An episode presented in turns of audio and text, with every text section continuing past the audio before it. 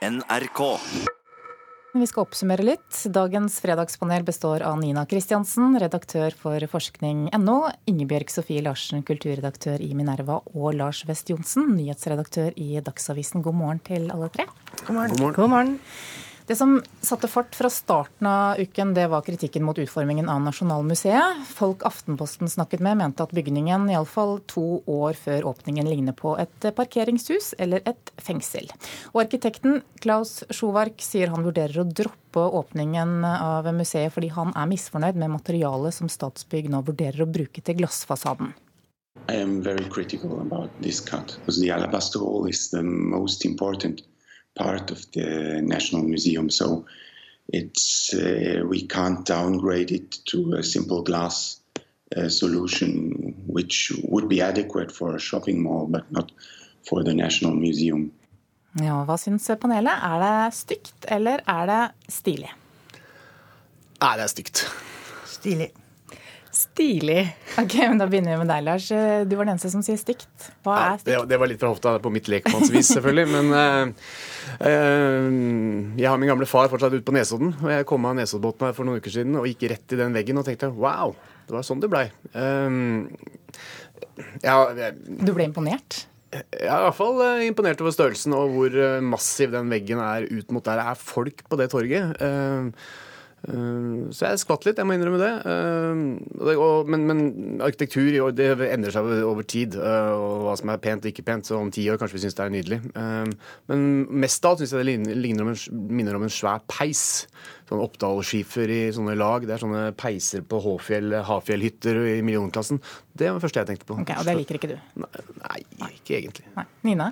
Jeg har studert tegningene, da. For det, du sa det er sånn det blei. Det har jo ikke blitt sånn. Det er jo halvferdig. Vi vurderer en byggeplass, og diskus, diskusjonen går. Og jeg er litt sånn lei dette ritualet vi alltid har rundt disse store bygga.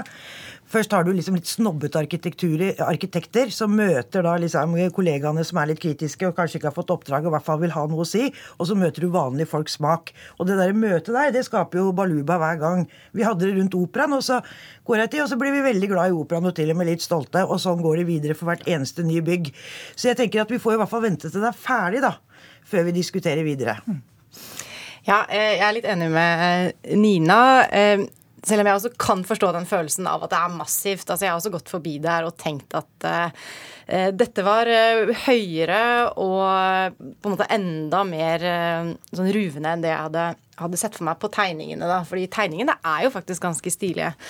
Men det som jeg tenker er at det, det er jo Altså, Det er mange problemer med Nasjonalmuseet. Blant annet så mener jeg at hele sammenslåingen var en, en, eh, en dårlig idé. Altså, for, eh, altså faglig for institusjonene osv. Og, så videre, og dette med å ha muligheten til å reise rundt i byen.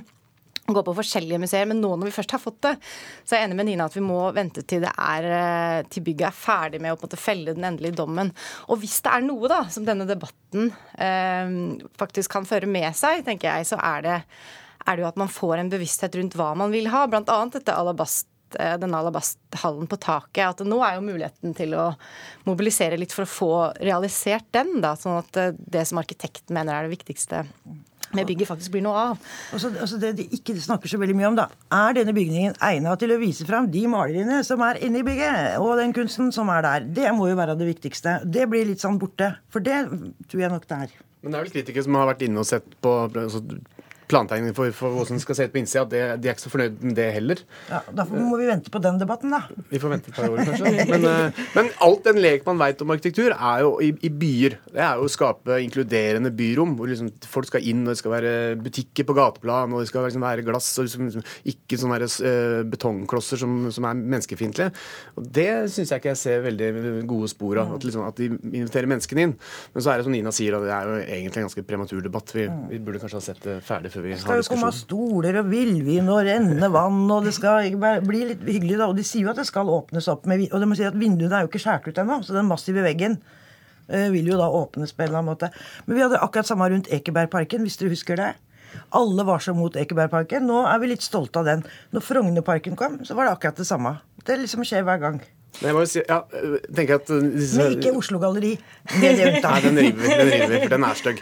Uh, hadde jeg vært tagger, så hadde jeg klødd i fingrene. Det er jo så, det er jo en invitasjon til vandalisme å bare gå berserk og lage tags på den veggen. Det måtte vært, ja, Hadde jeg vært 20 nå, så skal jeg kaste meg utpå ikke, Oslo Galleri er mye lengre, dessuten. Nei, men uansett altså, så tenker jeg at det blir jo en utfordring til Nasjonalmuseet nå, etter denne debatten her, med at det de skal fylle dette museet med, eh, der har de jo et forventningspress. forventningspress. Det får vi håpe at de, de klarer å ta alvorlig. Da, og at innholdet blir eh, noe som folk ønsker seg og vil bruke. Og så ville det vært forferdelig om ingen diskuterte det. Tenk om du satte opp det bygget til de kronene, og så sa alle sammen ja, det var pent. Skuldertrekk. Skuldertrekk. Det ville jo vært grusomt. All PR er god PR.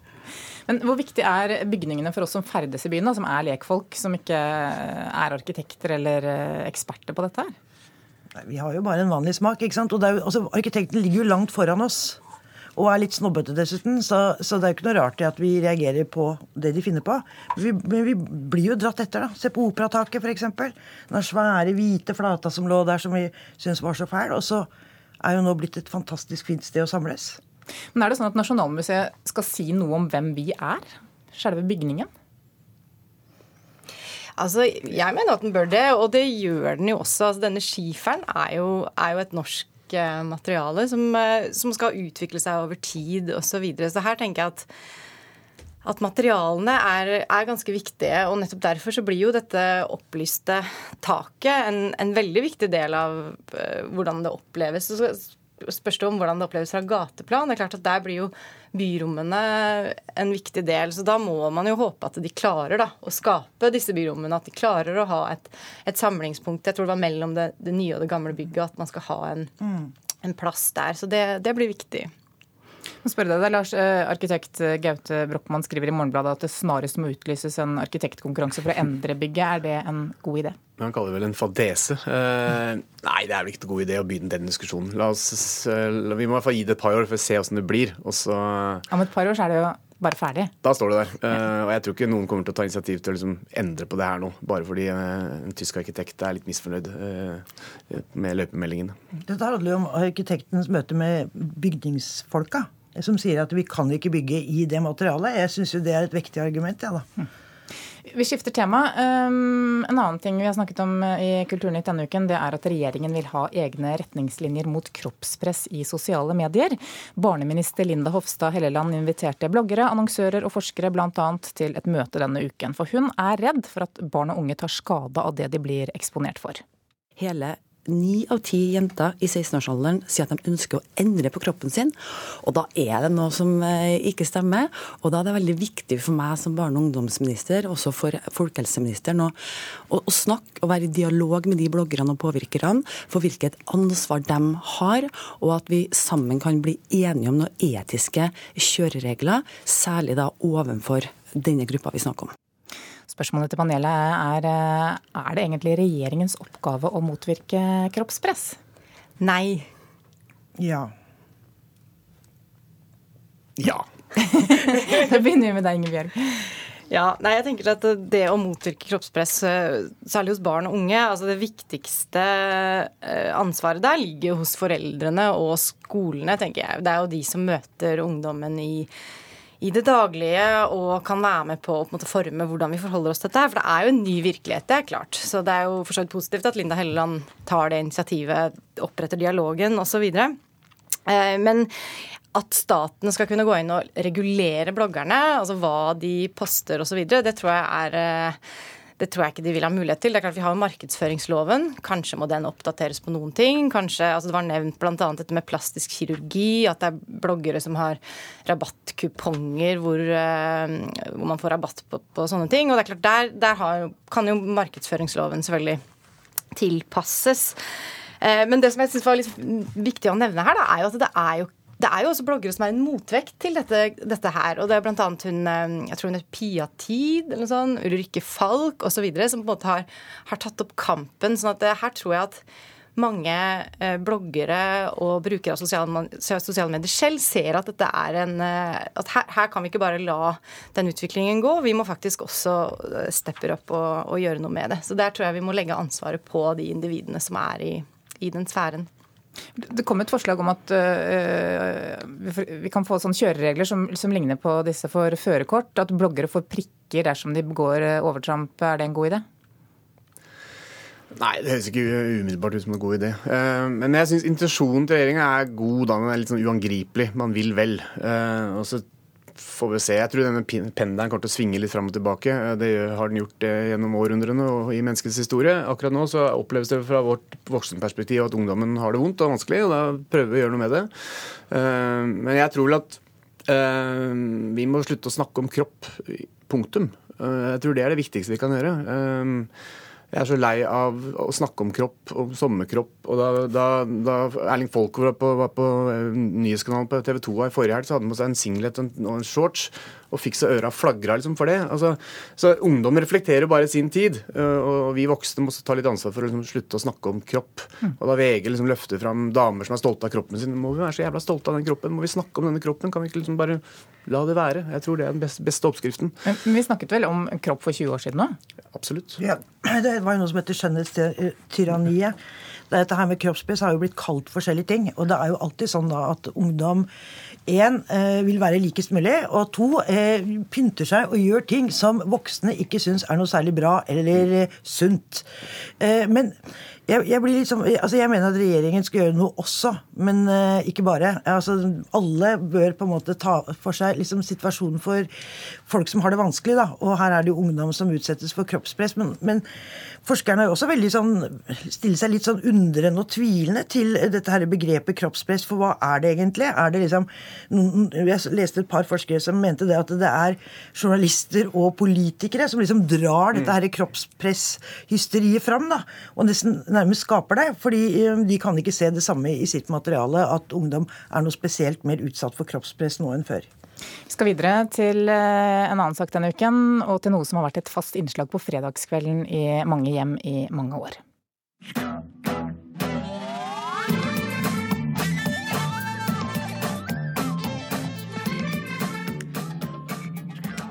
På tirsdag så ble det kjent at Fredrik Skavlan flytter programmet sitt til TV 2, ifølge eksterndirektøren her i NRK, fordi NRK ikke var villig til å betale prisen som ble forlangt, mens TV 2 sier også at dette handler om Skavlans ønske om å satse skikkelig digitalt.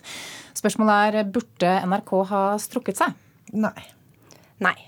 Nei. Veldig enige her. Hvorfor ikke? Nei, jeg tenker at det Skavlan må fornyes. Eh, og det ble tvunget fram nå, da, fordi at NRK ikke hadde råd. Og ja, så gikk han videre. Og jeg tenker at han har en kjempeutfordring. Eh, han har, altså, Publikum er jo ekstremt delt. Eh, ungdom gjør noe helt annet enn eldre folk. Og nå skal han prøve å vinne ungdommen, og han kommer til å slite. Og jeg håper at han lykkes, men jeg er ikke sikker. Nei, og jeg tenker at den saken her, den er, hele saken egentlig, er et eksempel på det at mediene skriver litt for mye om seg selv, rett og slett. Jeg vet ikke, jeg syns egentlig ikke at det er noe sak. Altså, hvis Skavlan ble enig med TV 2 og, og ikke NRK, så fint det. Da ble det sånn. Selv om det betyr at seerne kanskje må betale for å se det de har sett på hver fredag i 20 år?